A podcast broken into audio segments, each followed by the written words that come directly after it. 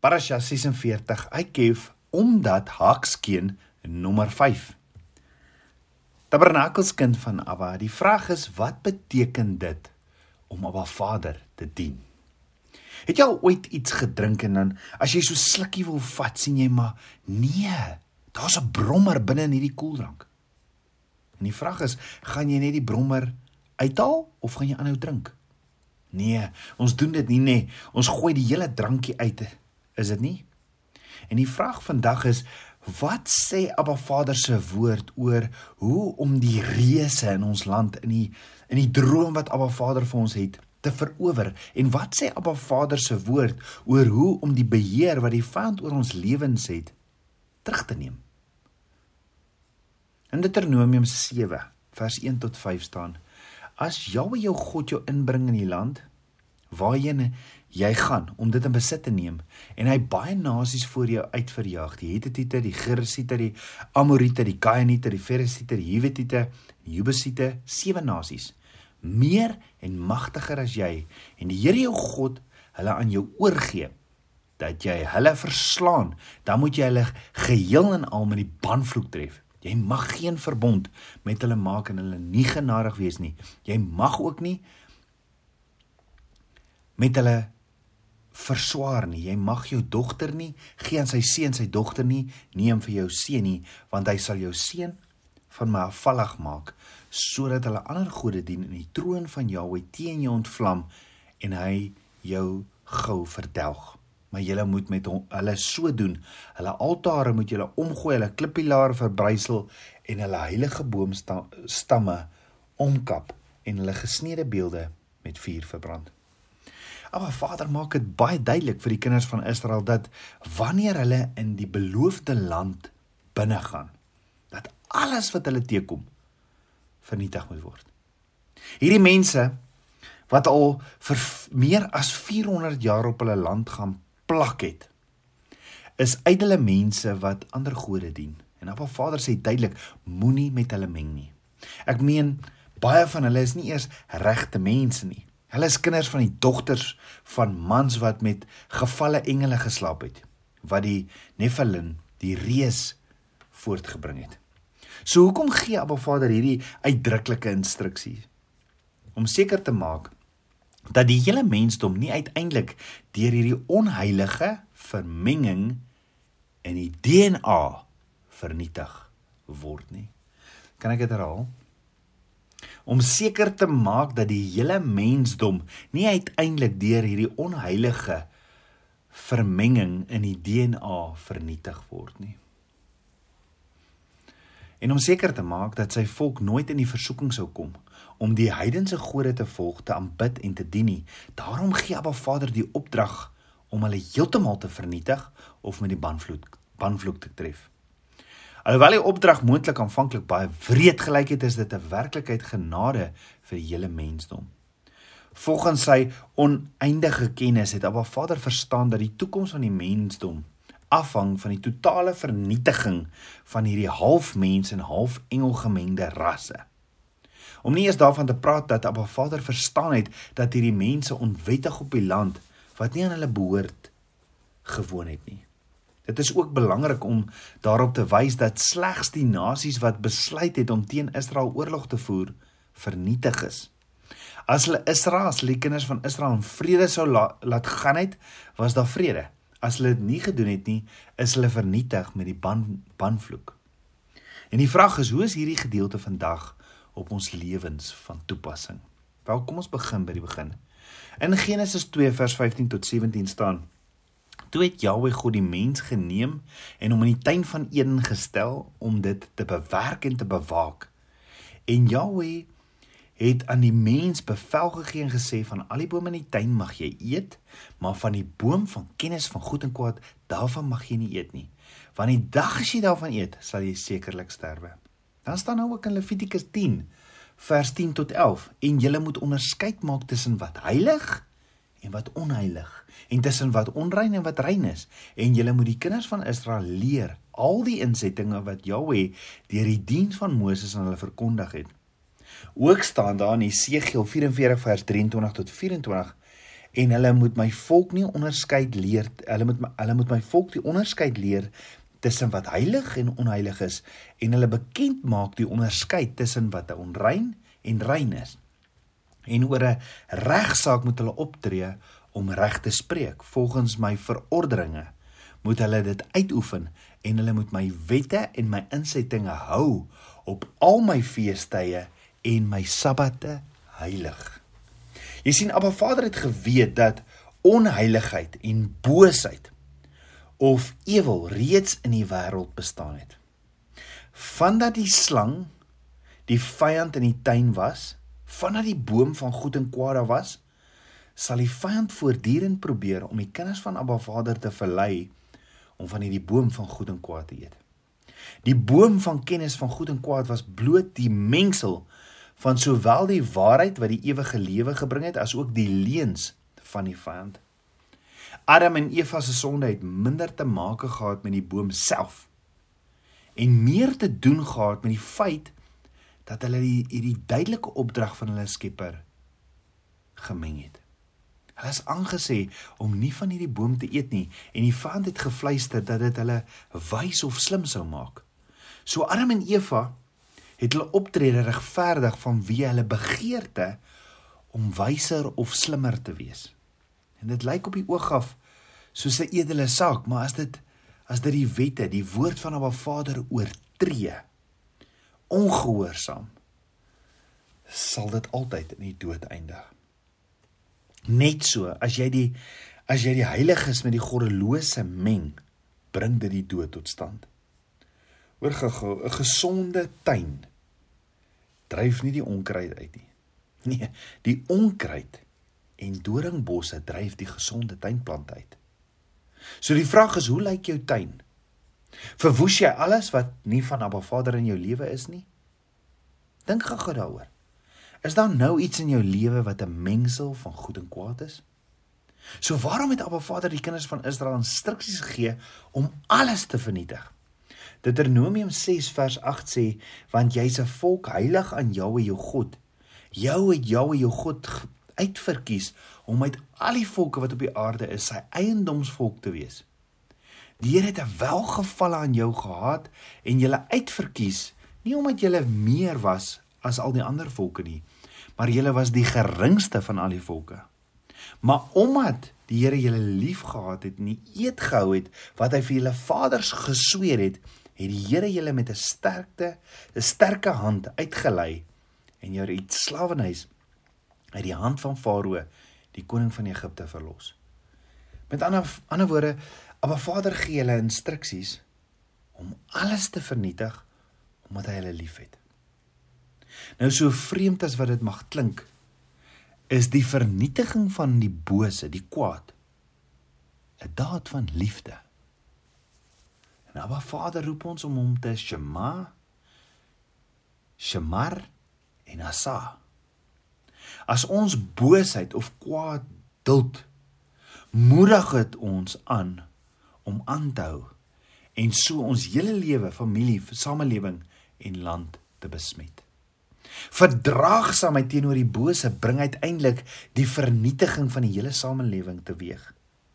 Verdraagsaamheid van seksuele TV-programme gee vir die gees van welis 'n toegangskaartjie.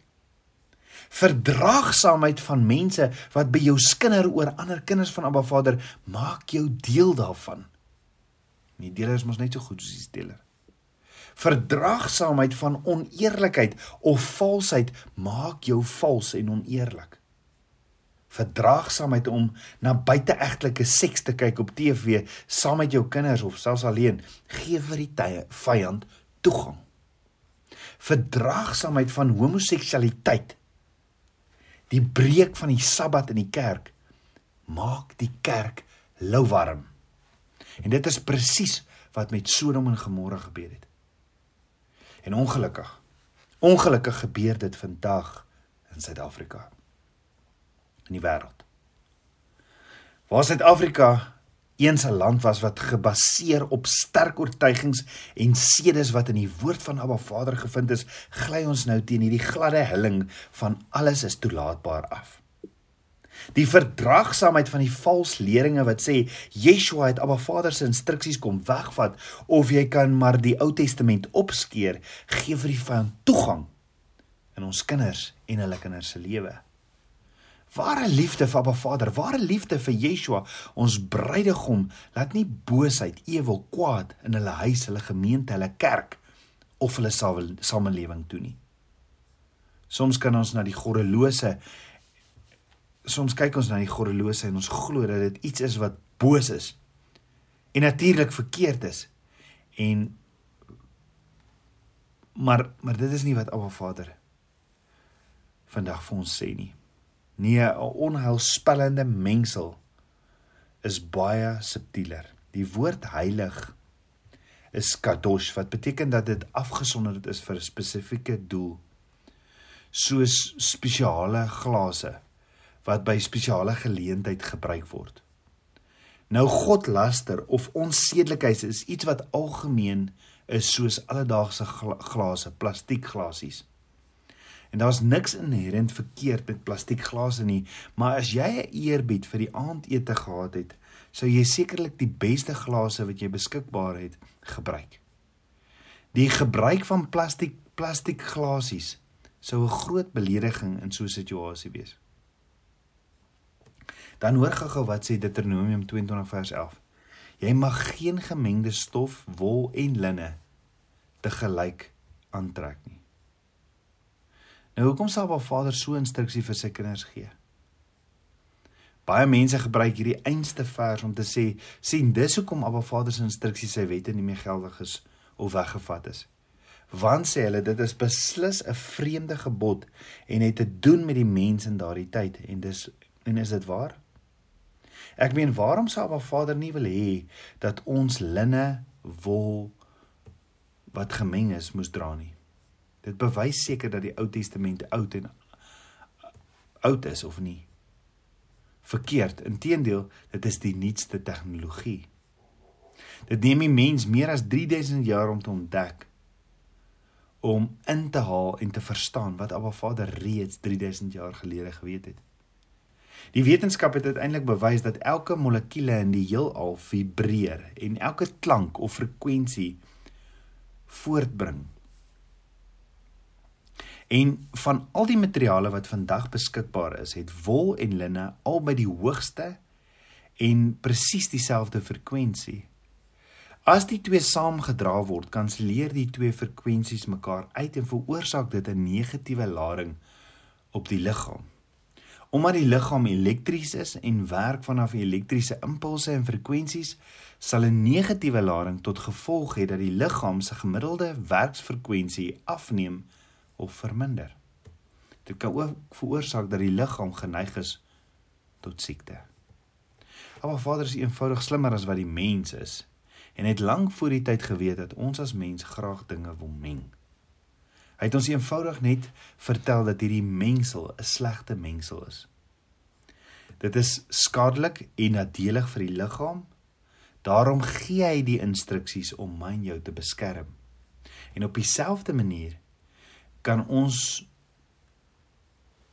soms ook so leef dat ons nie eers weet of besef dat ons ons gedagtes en wil met die wil van Abba Vader meng en met dit wat Abba Vader wil hê ons moet doen nie. Hierdie soort vermenging veroorsaak 'n negatiewe lading op die hele liggaam van Yeshua. En dit kan soms die gevaarlikste vorm van eet van die boom van kennis van goed en kwaad wees. In my lewe het Abba Vader my geleer dat ek kan nie alles wil doen wat ek dink goed is om te doen nie. Want sien ek het gebid dat Abba Vader alles wat in sy naam gedoen word dat hy dit sal seën. Maar Abba Vader het my kom leer dat ek baie projekte aanpak in die kerk of by die werk wat hy nooit gevra het vir my om te doen nie. Baie projekte en bedieningsidees het uit eie gedagtes gekom en wat ek vir hom wou doen en nie wat hy vir my gevra het om te doen nie.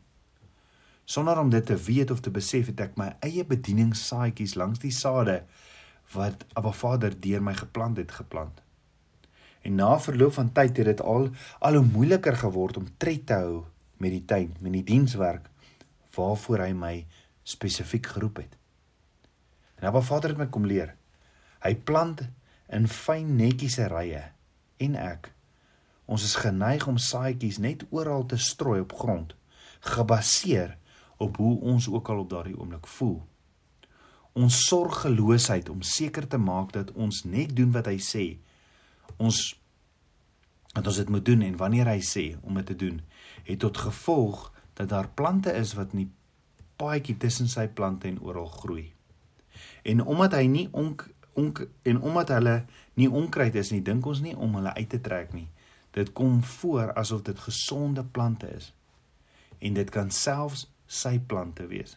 Maar as hulle op die verkeerde tyd, die verkeerde plek of op die verkeerde manier geplant word, dan is hierdie plante nie van hom nie. Hoor gou wat leer Abba Vader my. Een wat sy eie tuin plant, sy arbeid of werk is ter vergeefs. So dink daaroor. Kan jy aan iets dink in jou lewe wat jy gekies het om te doen wat Abba Vader nie spesifiek onderskryf het nie? Is daar dinge in jou lewe wat jy gekies het om te doen, maar jy het nie eers na hom toe ge dit na hom toe gebring en hom gevra nie? Want Abba Vader sê ken my in alles en ek sal jou paai gelyk maak. So Abba Vader het dit baie duidelik gemaak toe die Israeliete oorgesteek het die beloofde land in watter stede hulle eerste, tweede, derde ensovoorts sou inneem. Hy het spesifieke instruksies gegee oor wie om aan te val, wie om te vernietig en van watter stede hulle die byt kon neem en van watter stede hulle nie kon doen nie. Maar Vader het hulle stappe, hulle tree georden. Spreuke 16 vers 9 sê: Die hart van die mens dink sy weg uit, maar die Here rig sy voetstappe. En Psalm 37 vers 23 sê: Die voetstappe van 'n goeie man word deur die Here beveel en hy het 'n welbehae in sy weg. Is dit moontlik dat om Abba Vader te shema, shemar en asa deur sy woord te bepeins dat dit die hoogste vorm van aanbidding is? En is dit waarvoor Abba Vader ons roep? om oor te ponder. Appa Vader roep ons vir 'n diepe en vir diepe diepe verhouding. Is dit nie tyd? Is dit nie tyd dat ons hom moet aanbid in waarheid en in gees en doodgaan aan onsself, eie planne en eie weë en hom shemani. Kom ons bid saam. Appa Vader, skieper van my hart, Appa ek loof en ek prys U. Vader, deur grond my, ken my hart toets my, ken my gedagtes en kyk of wat by my weg is van smart en lei my op die ewige weg. Kom vas my met die waterpad van u woord. Voor u knielek en gee ek my alles meer en meer van u. Ek bid dit alles in Yeshua Messie se naam, die seun van Jahweh. Amen. Shalom.